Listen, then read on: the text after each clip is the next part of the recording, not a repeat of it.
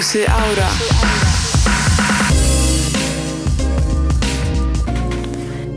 Välkommen. Du lyssnar nu på Pussy Aura podcasten, en podd av och för rasifierade ungdomar. Jag heter Anna Ljungström Arma och med mig idag har jag Queen och Hanna. Och i det här avsnittet så kommer vi att eh, prata och fokusera främst på Hanna som är psykolog och föreläsare med fokus på rasifierade och det de utsätts för. Men Hanna, vill du berätta lite mer om vad du gör och vem du är? Ja, det kan jag gärna göra.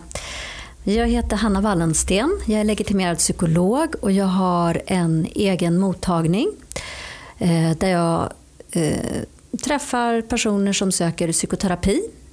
Eh, ibland arbetar jag med handledning till eh, företag eller organisationer som eh, har ja, men som brottas med hur vithetsnormer och rasifiering och minoritetsstress liksom tar form i deras, på deras arbetsplatser.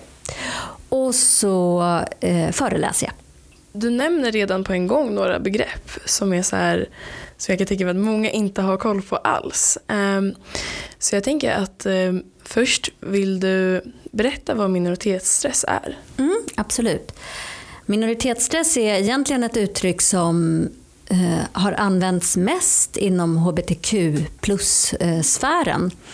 Men det är ett begrepp som används för att belysa hur den som hör till en minoritet kan uppleva en oro för att inte få höra till.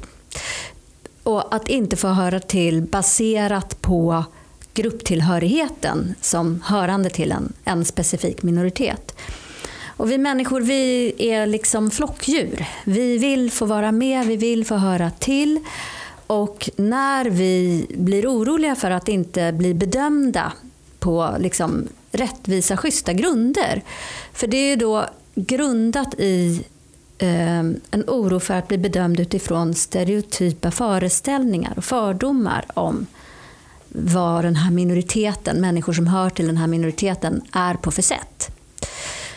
Då kan man uppleva minoritetsstress och det kan ta sig alla möjliga olika uttryck. Ofta är det ganska omedvetet men det kan också vara så att du medvetet oroar dig för att bli missförstådd, misstolkad. Det kan handla om att du eh, har gjort erfarenhet av att bli illa behandlad och är rädd för att det ska hända igen. Eh, men också att du själv försöker förebygga på olika sätt. Att du ska råka ut för något som du faktiskt inte vet om det kommer att hända eller inte. Så minoritetsstress behöver inte betyda att du faktiskt utsätts för någon, någon typ av kränkning.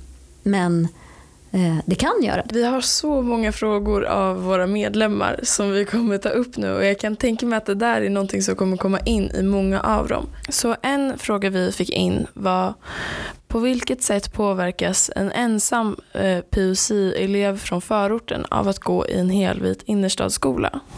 Mm, det är ju en jättebra fråga. Eh, ni kommer ju att märka att jag kommer att ha ett jättetråkigt svar hela tiden, nämligen det beror alldeles på vem man är. Eller det beror alldeles på situationen. Eh, därför det är ju aldrig lika för alla. Eh, alla människor upplever allting olika. En, en sån elev kommer kanske att tycka att ja, men det var jättehärligt, det är det bästa jag gjort, allting var kul, snipp, snapp, snut så var sagan slut.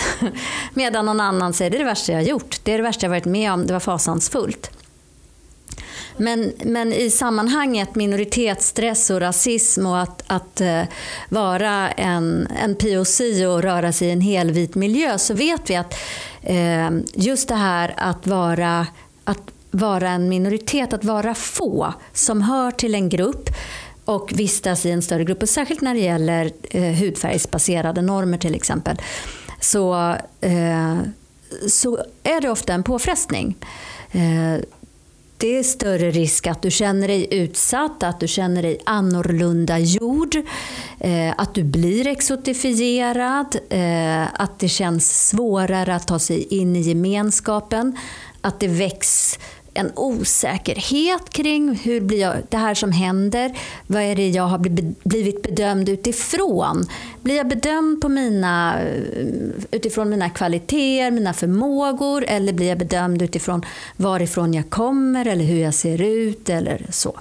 Eller hur jag låter eller hur mitt namn uttalas eller när jag ber. Så det är någonting som kan påverka just personen? Absolut. Ja, absolut. Jag tänker att Eh, och jag tänker att det kommer lite in här, man brukar prata om ett intersektionellt perspektiv, det vill säga att vi tar in flera olika delar av våra identiteter. Till exempel, jag är både kvinna och jag är adopterad från Etiopien så jag är brun. Eh, men jag är också uppvuxen i en akademikerfamilj. Så man kan säga att det är så olika delar av min identitet och de delarna tillsammans kommer ju liksom att utgöra min identitet och påverka både hur jag bemöter andra och hur andra bemöter mig. Ja men på, inne på det spåret mm. lite som en person of color då, en person som rasifieras, uh. som är runt många vita människor. Finns det möjlighet att forma en jämlik relation till en vit person? Mm. Det här är ju en jättespännande fråga. Eh, jag tror jag skulle inte orka arbeta med det jag gör om inte jag var övertygad om att det går. Ja. Skönt att höra. Eh, ja, absolut. Eh, men det som är spännande här är ju vem är det som lägger in vad i, i den här relationen? Kommer jag med en oro för att jag ska bli oschysst behandlad utifrån min grupptillhörighet. Och kommer det att göra att jag nästan skapar situationer där jag blir utanför därför att jag är så snabb att tolka det som att jag inte får vara med. Eller, kom, alltså, eller kommer de som möter mig att tänka åh, här kommer en sån där annorlunda och faktiskt bemöta mig konstigt fast jag är helt liksom, okomplicerad i mitt bemötande. Jag har, ehm, jag har bland annat en dotter som är 14 år. Eh, och hon, hennes pappa är vit och jag är brun. Eh, och hon går på en högstadieskola i innerstan. Eh, så jag berättade att jag skulle träffa er idag och frågade henne om hon hade några bra tips. Shout out till henne.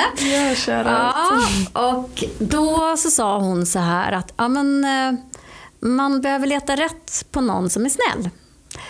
Och jag bara, ja, hur gör man det då? Jo, men om man är... Och så sa hon så här, det här låter ju så klyschigt, men att vara mot andra så som man vill att andra ska vara mot en själv.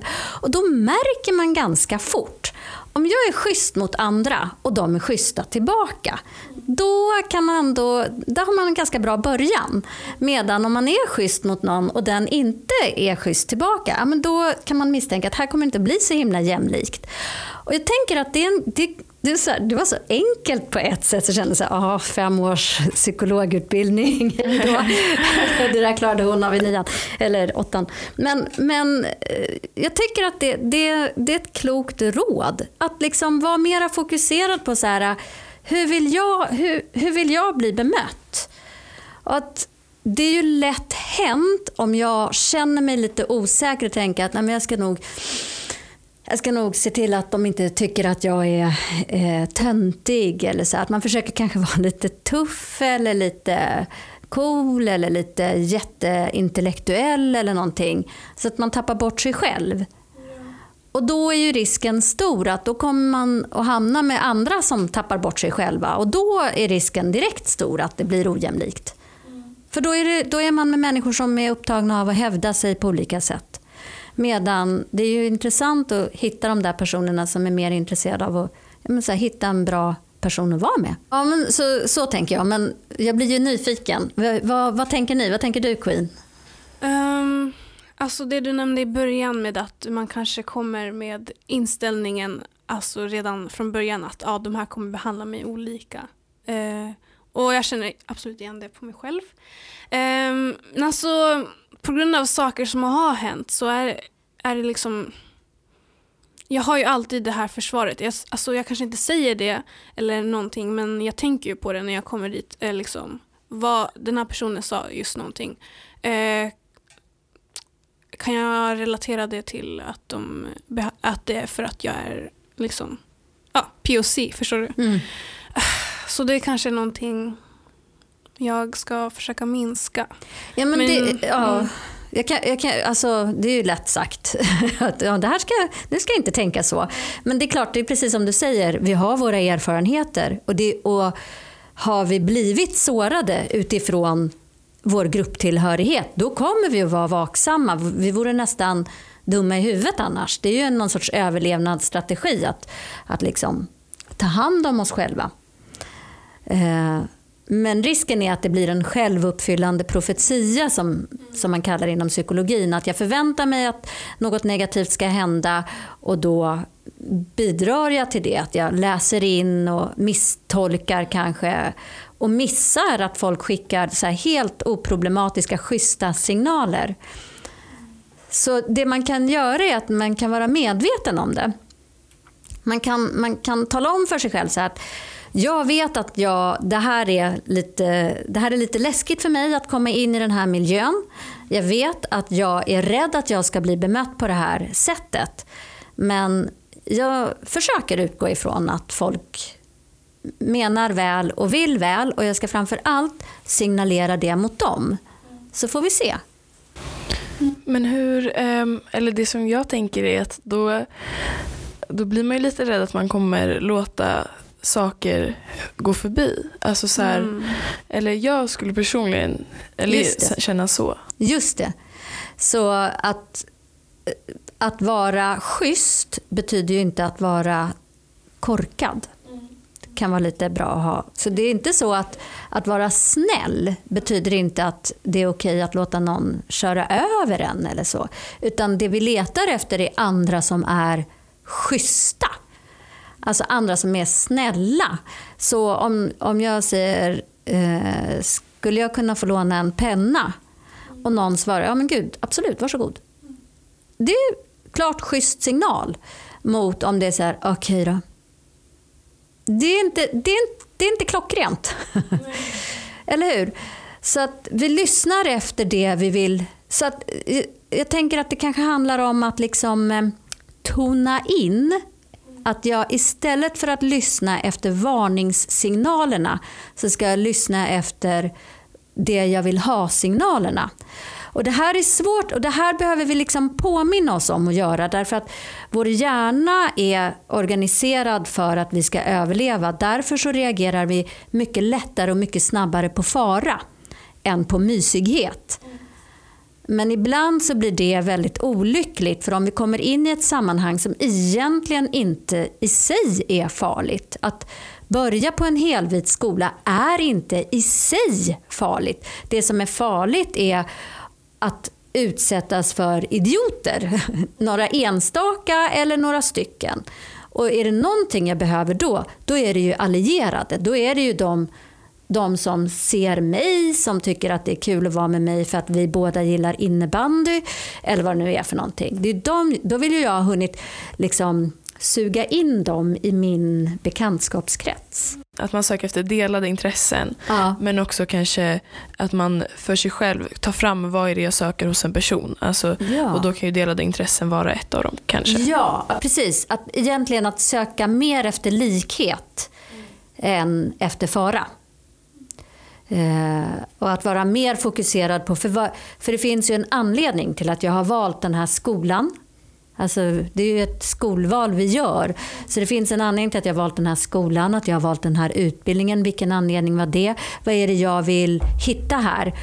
Och det jag har gemensamt faktiskt med dem i min klass, det är att de har gjort samma val.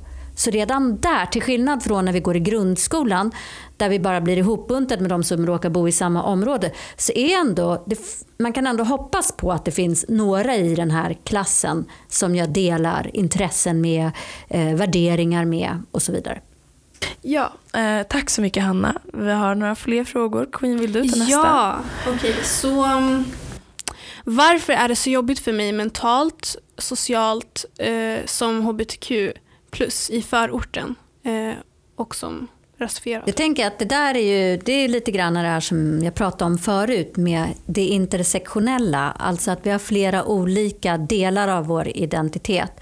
Och alla de här att komma från förort, att eh, höra till hbtq plus-kollektivet, att rasifieras som icke-vit. Det är ju tyvärr eh, grupptillhörigheter som ofta möter negativa förväntningar, negativa stereotyper, negativa fördomar. Så man är liksom trippelt eh, utsatt kan man säga. Så du behöver liksom vara beredd att parera eh, okunskap, dumhet, elakhet från så många olika håll samtidigt. Så jag tänker att det är det som gör att det blir extra påfrestande. Har du några tips på hur man kan hantera det när man, alltså så här, när man delvis får, alltså blir attackerad då från olika håll men också att man kanske blir attackerad inom ett av sina grupptillhörigheter för ens, av ens andra Ja. tillhörigheter? Ja, det där är ju liksom, det är verkligen extra smärtsamt och det är väl precis därför det blir extra besvärligt. För att om jag, eh, om jag blir utsatt i egenskap av tillhörande hbtq-kollektivet eller hbtq plus-kollektivet och så pratar jag med de vännerna och så i samma ögonblick så är det någon som råkar slira lite på eh, var vi bor eller eh, hur, vilken hudfärg vi har. Så är ju risken stor att jag känner mig väldigt utanför igen. Liksom. Att jag aldrig får höra till. Det är det som blir den här belastningen. Och tyvärr så är det ju så, eh, eller så här ska jag säga. Det som är bra idag det är att liksom, internet finns. Det går att leta rätt på. Det, du kommer att upptäcka att du är inte ensam i hela världen om att komma från orten, höra till hbtq plus-kollektivet och rasifieras som icke-vit. Det finns ganska många. Eh, men det gäller ju att hitta varandra. Eh, jag växte upp på 70-talet. Och då var det så här, det fanns knappt bruna människor där jag växte upp. Vi var jätteexotiska och jättekonstiga. Och det fanns absolut inte internet. Alltså vi kunde inte hitta varandra. Eh, och ibland hittade man någon och då var båda lika upptagna av att akta sig för att associeras med den här grupptillhörigheten som det fanns så mycket negativa förväntningar kring. Så då ville den personen inte vara kompis med en. För att man var liksom, ja, man ville liksom undvika att dra på sig mer negativa eh, förväntningar. Och det tror jag säkert att, att många kan känna igen sig i. Eh. Kanske så här, komma till en ny skola och så ser man så här, åh, kompis, där är till afro. Och sen så liksom går man fram till det här afrot och tror att nu ska vi bli kompisar och den bara, eh, jag känner inte dig. Mm, jag har definitivt gått igenom en sån period där man absolut in, alltså när man, man försöker passa in i den svenskheten och i vithetsnormen, då vill man absolut inte eh, komma så långt bort som möjligt från liksom. Nej, då Ja. vill man inte Mm, förknippas helt nej, enkelt med det. nej. Och det blir ju väldigt sorgligt för då tror man att man ska söka liksom stöd hos någon och så blir man bara dubbelt avvisad. Jag är avvisad av de vita kompisarna och av de bruna kompisarna. Vart, vart ska jag ta vägen? Liksom? Men jag, det är väl liksom det som är min uppmaning. Att verkligen försök söka igen. Försök leta rätt på, på andra som du kan dela din erfarenhet med. Och ibland kanske det är så att jag får dela mina erfarenheter av att komma från orten med de som kommer från orten och så får jag dela mina erfarenheter av att vara brun med de som är bruna och av att vara kvinna med mina tjejkompisar och så vidare. Och det kan kännas otroligt otillfredsställande men bättre än att inte dela alls. Mm. Så det kanske är ditt tips då att så här, ha, ändå ha liksom sina olika, eh, olika outlets för olika delar och sen så får man helt enkelt balansera dem. Absolut, absolut att, att eh, göra det men också att försöka hitta andra som, som du delar så mycket som möjligt med. Går det att hitta en till som har en gambiansk mamma och en svensk pappa till exempel så go for it. Liksom. Mm. Jag tycker absolut att sociala medier är en jättebra plats att gå till om man vill hitta människor som liksom har samma identitet som dig. Och liksom, det är absolut där jag hittade, Um, hittade min röst sociala medier. För jag hade ingen runt mig som liksom eh, var svart eller ja. Mm. Så det var absolut där som jag fick, men alltså Mm. ja. Mm, ja men det, Ja. det är helt rätt. Alltså, så här, jag tänker också det, alltså, för mig var det mer att så här, det var typ så jag hittade folk som rasifierats på exakt samma sätt som mig eller som kanske hade, ja, men lite som du nämnde med så här, nationalitet typ. ja Alltså, så här, sånt, för det kan ju vara, det varierar ju på Mm. olika delar av i Sverige men också i Stockholm där vi är nu. Liksom. Så, så när ni har, nu måste jag bara fråga, så när ni har hittat de här personerna på sociala medier, hur har ni sökt? Hur har ni gått till, alltså för den som inte... Mm, alltså så här, eh, kanske någon kompis från andra städer som har mer POC har rekommenderat någon Mm. podd eller sådär. Och ja, för mig har det varit poddar. Jag kanske inte direkt har sökt liksom. Men eh, de har ju poppat upp liksom. Reklam kanske eller. Ja men precis. Ja. Att det är typ så, man har nåtts av det av någon vän som har rekommenderat det. Liksom. Eh, Men ja Hanna, vi har också fått in några frågor som är kopplade just till psykologyrket eh, och allt vad det innebär. Första frågan är då vad kan man hitta, alltså vart kan man hitta psykologer som är rasifierade? Mm, det är ju inte jättelätt, men det finns eh, en hemsida som heter Stressgaris. Och de har, på, om man går in där, Stressgaris, så tror jag man kan bara slash POC, så har de en länk till en lista där det finns namn på eh, psykologer som, har, som är POC. Och som finns, det är både privata, personer som har privata mottagningar och då måste man ju betala själv eller som man kan gå till med högkostnadsskydd. Eh, Så den listan den kan ni säkert länka till. Eh, Där kan man kolla. Vi är inte jättemånga än så länge, men vi kommer att bli fler successivt. Eh, Några av er som lyssnar kanske har den goda smaken att välja psykologprogrammet. Ja, men gud vad bra. Jag visste verkligen inte att det fanns. Det där kommer man ju gå in och få kolla på en gång. Jag har absolut känt att eh, Nej men eh, till exempel kuratorer på skolan, alltså de har ju alltid sagt att ni kan bara gå in och prata med, eh, vi har, vi har skolhälsa, hälsoråd, eller vad heter det, förstår vad jag menar. Ja, men Elevhälsan, Ja, elevhälsan, det är bara att gå och prata. Och mina problem under min mi- alltså, mellanstadietid och högstadietid har varit relaterat till att jag är svart och rasism som klass, klasskamrater har liksom utsatt mig för. Mm. Ehm, men jag har inte känt mig bekväm nog att prata med mina kuratorer om det här för jag känner att de men alltså de ser ju vad som händer, mina lärare ser vad som händer men de säger inte till mig att, eh, ja men, förstår du vad jag menar? De har inte tag, tag, tag, tagit tag i det och sagt, ja men nu, det här är rasism och så här ska vi göra och eh, vad behöver du för, hur kan vi hjälpa dig? Lalala. Förstår du? Mm, jag fattar precis. Mm. Det, här, det här är ganska intressant för att ibland då när jag säger att jag håller på med de här frågorna så tittar någon på mig och säger Jaha, men vadå, kan du hålla på med det här bara för att du är brun? Eh, och så är det ju inte utan jag har också fördjupat mig i de här frågorna. Så det krävs ju någon sorts Eh, kompetens kring det. Sen en del av dem som söker en POC-terapeut gör det därför att det bara känns skönt att prata med någon som är lik en själv. Varken mer eller mindre, men det är inte det man vill prata om. Man vill prata om sitt tvångssyndrom eller sin ätstörning eller whatever. Medan andra kanske vill prata om just rasism. Och då tycker jag det kan man jämföra ungefär med eh, om jag är en person som identifierar mig som tjej eller kvinna och så har jag blivit utsatt för ett sexuellt övergrepp av någon som jag uppfattar som man så kanske jag inte vill prata om den upplevelsen med en manlig terapeut. Om jag säger det så brukar de flesta förstå att nej men okej, men då kan jag försöka hitta en, en, en kvinnlig åt dig. Därmed inte sagt att det inte skulle fungera att prata med en manlig terapeut. Det kanske skulle kunna funka väldigt, väldigt bra till och med. Och en del personer skulle säga så här, det spelar ingen roll, bara det är någon som kan de här frågorna. På samma sätt kan man tänka kring hur det är när jag har varit utsatt för rasism och jag söker en terapeut. För en del så kommer det inte kännas bekvämt att prata med någon som är vit om de övergrepp som jag utsatts för för att jag är icke-vit.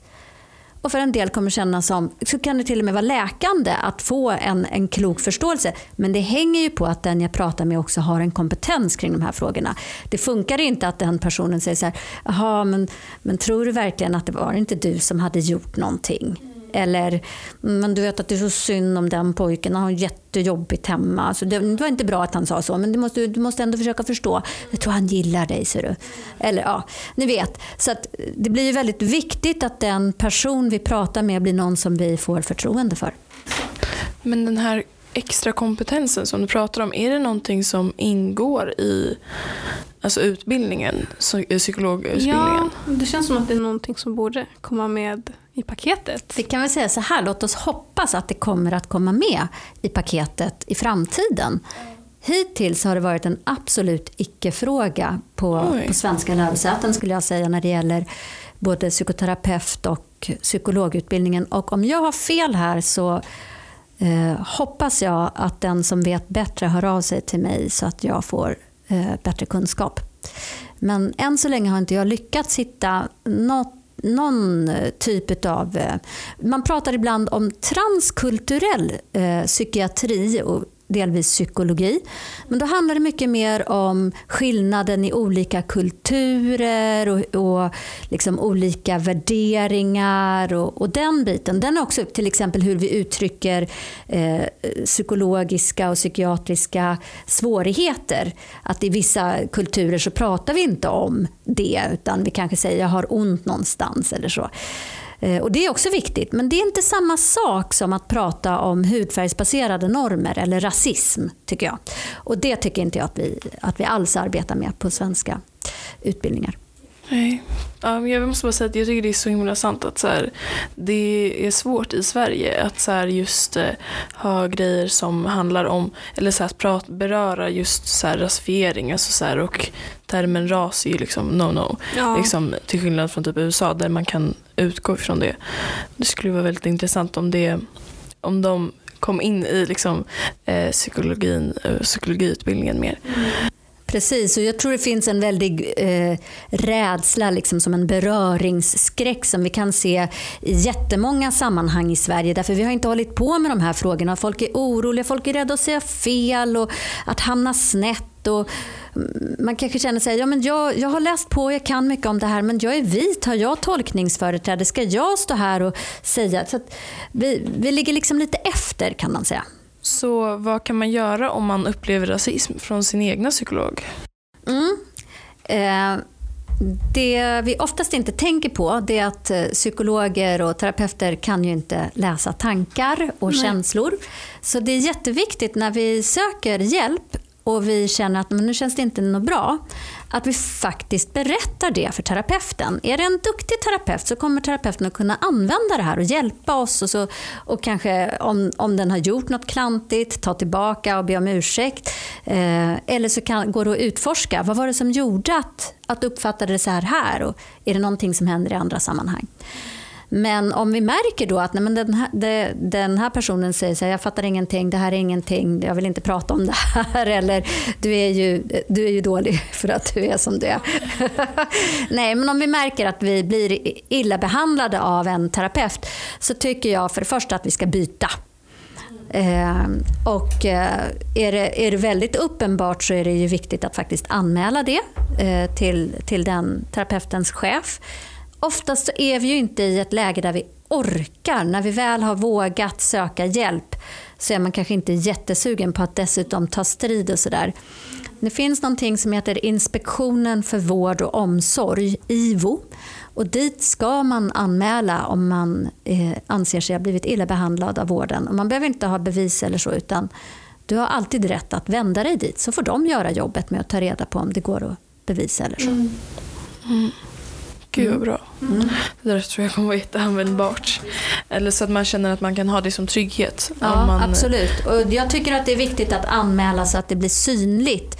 Jag tror att många gånger tror jag att terapeuter som beter sig rasistiskt inte är medvetna om att de gör det. Det är absolut inte avsiktligt, det är inte för att de är illvilliga utan för att de är okunniga och obetänksamma.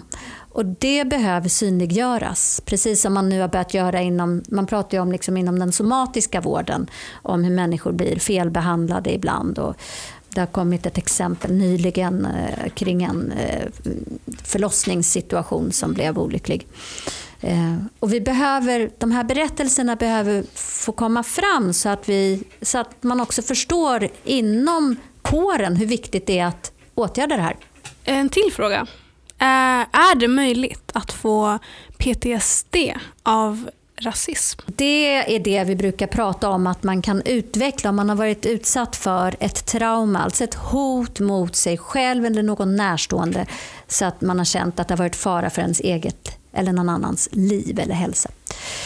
Eh, och såklart, alltså om någon till exempel knivhotar mig och samtidigt uttrycker rasistiska saker så är ju det ett trauma bara att bli knivhotad. Och om det dessutom är kryddat med en rasistisk eh, eh, kryddmix så kommer jag såklart att, att uppleva ett trauma. Och får jag inte hjälp att bearbeta det och har jag inte själv jättebra resurser för att bearbeta det då kan det ligga kvar eh, och utvecklas till ett sånt här Eh, stresssyndrom. De brukar, PTSD brukar uttrycka sig som till exempel att jag eh, kanske drömmer mycket mardrömmar, att jag får flashbacks på det som har hänt, att jag är orolig, att jag får svårt att koncentrera mig och att det här som har hänt, det liksom går inte tillbaka i... Jag upplever inte som ett minne av något som har hänt tidigare utan det är nästan fortfarande levande för mig. Och det kan komma tillbaka många, många år senare eller vara närvarande direkt efter det inträffade. Däremot, det andra som är, det är ju den här vardagsstressen som uppstår av rasism, någon sorts vardagsrasism eller liksom vardaglig oro, den här minoritetsstressen som jag pratade om tidigare. Och då pratar man inte om PTSD, men däremot så kan man se att de symptom som man kan utveckla till följd av det här har ganska mycket likheter med PTSD. Mm. Men då kallar man det minoritetsstress istället? Eller? Ja, minoritetsstress är inte egentligen en diagnos utan då kanske man säger oro, ångest eller depressiva symptom. Du kan också, man har också sett att människor som eh, upplever mycket minoritetsstress kan utveckla hjärt-kärlsjukdomar i högre utsträckning. Så att man kan få lite olika typer av symptom av av liksom minoritetsstress. Men alla som möter rasism utvecklar ju inte minoritetsstress. Så att det, det, ja, det är också viktigt att ha klart för sig. Det handlar mycket om vad hittar jag för strategier för att stå ut med den stress det innebär att möta rasism i min vardag. Men du säger att det är viktigt med att ha strategier. Har du några tips på strategier? Ja, jag tänker att eh, några viktiga saker. En sak är att inte låta kränkningar passera obemärkt. Och med det menar jag inte att man måste stå på barrikaderna och ta varje strid, men att jag lägger märke till det. Så att om jag känner så att men nu blev jag illa behandlad, att jag, att jag registrerar det för mig själv och sen ser jag till att prata med någon som jag har förtroende för och bara säga det så här, vet du vad som hände mig idag? Det här hände. Eh, och så ska det ju vara någon som är lite empatisk och som kan säga så här, fy sjutton, vad obehagligt eller så. Eller om den inte förstår så fråga liksom uppriktigt men inte börja kritisera en. Utan att man, att man bara får konstatera och så får man fundera så här, om jag skulle hamna i en sån situation igen, vad skulle jag vilja göra då? Och ibland kanske jag måste öva, kanske måste öva på att säga så här, jag tycker inte om att du säger så. Eller, eller något jätteelakt. Liksom. Men, men alltså, och jag tänker att det finns inte så här one size fits all utan vi måste alla hitta vad funkar för mig att göra. Men att jag inte bara köper att folk säger elaka saker. Det tycker jag är en viktig sak. En annan viktig sak är vi hamnar ibland i situationer som är tvetydiga. När vi blir så osäkra. Vad, vad var det där för någonting? Att vi också lägger märke till dem och att vi försöker att fråga så här, ursäkta mig men hur menar du nu? Och ibland kanske vi tillfället har passerat och då kanske vi måste få komma tillbaka nästa dag och säga Vet du, du sa en grej igår och jag bara undrar, vad tänkte du då? Då får den andra en chans att svara så här, oh, shit, jag tänkte mig inte för jag hörde, det lät ju helt dumt i huvudet, jag ber om ursäkt. Eller, ja, men jag tycker att eh, sådana som du är är, luktar illa, ja då vet jag vad jag har att göra med. Då kan jag säga ifrån. Eller så, så, så säger han, hur menar du, jag har inte tänkt på det här, okej. Och slutligen så tycker jag det är viktigt att, att vara rädd om sig själv. Jag måste inte ta varje strid. Eh, men jag får göra det. Men att vara rädd om sig själv. Vi kan inte vara aktivister 24-7 för då bränner vi ut oss väldigt fort. Eh, men det blir inte heller så roligt för oss om vi ska låtsas att, att vi är någonting vi inte är och aldrig lägga märke till att när, när orättvisor faktiskt händer. Så att, att Ytterst så handlar det väl om att, att tillåta sig själv att känna sina känslor så att vi kan välja själva vilka känslor vi vill agera på och vilka vi bara vill notera. Ja. Uff, alltså ja. Mm. Det är noted. Tack så mycket. Ja, Hur kan jag få min svarta mamma att ta min mentala hälsa på allvar? Um, ja. Och jag känner att uh, det är någonting jag har hört väldigt ofta bland mina liksom, people of color-vänner. Att de känner att deras föräldrar um, inte tror att mental ohälsa existerar eller att det är bara liksom, västerländskt, white people saker som, man, som inte existerar. Ja. Hur ska man lösa det? Men jag tycker det här är så otroligt intressant därför att eh, igen då, eftersom jag är född på dinosaurietiden eh, på 70-talet, så var det så när jag växte upp, även bland liksom, svenskfödda föräldrar, att det här med psykologi och att liksom må psykiskt eller känslomässigt dåligt, det ansågs bara vara flum-flum. Det, hade liksom, det, var, ja, det var något trams, möjligtvis någonting folk höll på med i USA. Ingenting man gjorde här. Bra, bra kar reder sig själv, själv är bäste dräng, man ska inte gnälla, man ska inte klaga, man biter ihop och knyter näven i fickan och så är det bra med det. Så att den här, det, det, här sättet att tänka är faktiskt inte unikt för, för våra föräldrar som, som också är POC. Men eh, frågan är ju... Så jag tänker så här, man kanske får fråga sig varför vill jag att min förälder ska ta det här på allvar? Ja, det kanske är för att jag behöver eh, vila eller därför att jag är ledsen och jag skulle vilja få tröst. Och då, eh, det här låter så otroligt eh, simpelt, men jag tycker att det här med att använda jag-budskap, att berätta hur det är för mig, är ganska bra. Det, och jag tror att det kan vara klokt att vara inställd på att det är inte alls säkert att min förälder kommer att förstå. Men det kan vara lite viktigt att jag i alla fall är schysst mot mig själv och ärlig och, och ger mig själv möjligheten att försöka. Så att jag kanske kan säga så här, jag, eh, jag vet inte om du kommer förstå nu, men jag känner mig väldigt ledsen. Och jag har känt mig ledsen länge, till exempel om jag är deprimerad. Eh, och jag vet att du har gått igenom jättesvåra saker och kanske saker som har varit mycket svårare än det här. Men jag har i alla fall svårt att lösa det här. Sen kanske svaret blir så här, men ryck upp det. Mm. men då har jag i alla fall inte liksom gjort avkall på min egen upplevelse. Och sen kanske, sen kanske jag liksom, det är olika, för en del föräldrar kommer att vilja förstå. Mm. När vi berättar hur det är för oss. Eh, och andra har inte riktigt det, det utrymmet, därför det är inte så de har lärt sig att de hjälper sina barn bäst. Man kan vara rädd för att om jag bara, åh stackars dig, då kommer mitt barn bli helt bortklemat och tappa farten och inte komma vidare i livet och sen blir det katastrof och fängelse. Men alltså, vi kommer från en mycket mindre privilegierat liv. Jag vet att min mamma hade en mycket, mycket eh, mindre privilegierat liv än vad jag har nu. Så hon ser ju på vad jag har och liksom att jag bor här i Sverige och ja, studiebidraget och allting. Ja, förstår du? Hon känner att hon förstår inte vad jag har att vara, må dåligt av. Ja, precis. Det här är verkligen det här är så spot on, mm. för så här är det verkligen för många. Och jag tror kanske inte att vi alltid kan förklara för den som redan har liksom gått igenom helt ofattbara umbäranden hur vi kan må dåligt av att liksom leva som mindre privilegierade jämfört med våra vita svenska vänner men extremt privilegierade jämfört med, med våra föräldrars uppväxtkamrater till exempel.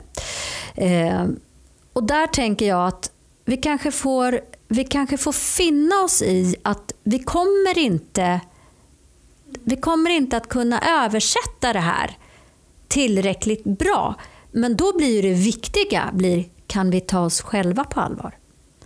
Alltså, kan jag, även om mina föräldrar inte kan ta mitt illamående på allvar, kan jag ta det på allvar ändå? Kan jag ändå bestämma mig för att men jag tänker söka hjälp för det här? Jag tänker liksom prata med mina vänner om det som är svårt för mig och när jag märker att det här blir för tungt för att bara ta med mina vänner, söka ytterligare hjälp.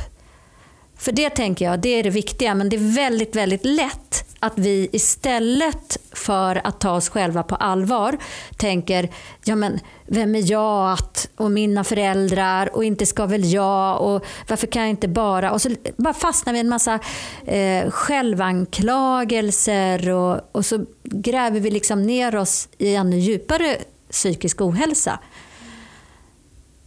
Men det är kanske så att vi, och det här, det här är det arbete som vi får lov att göra som våra föräldrar då kanske inte kunnat göra.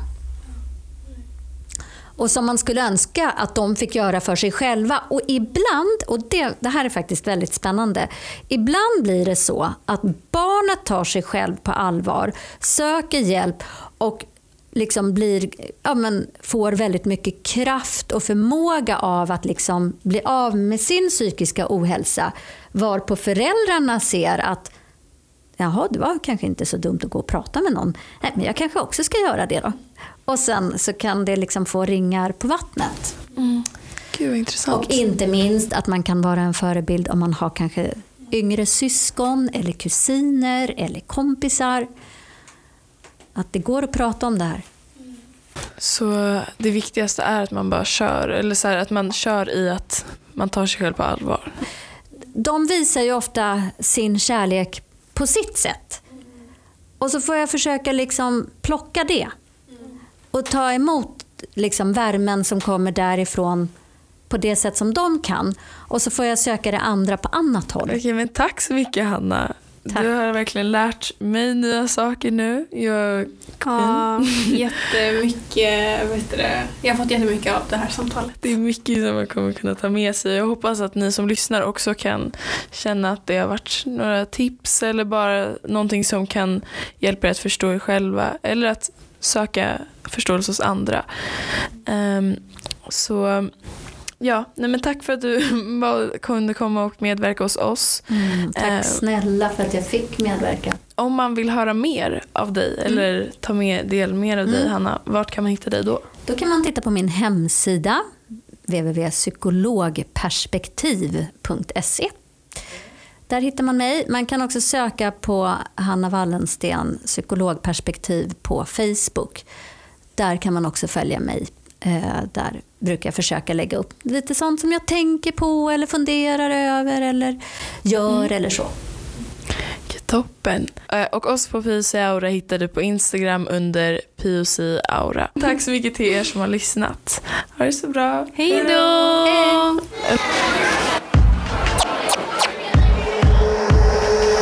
POC Aura.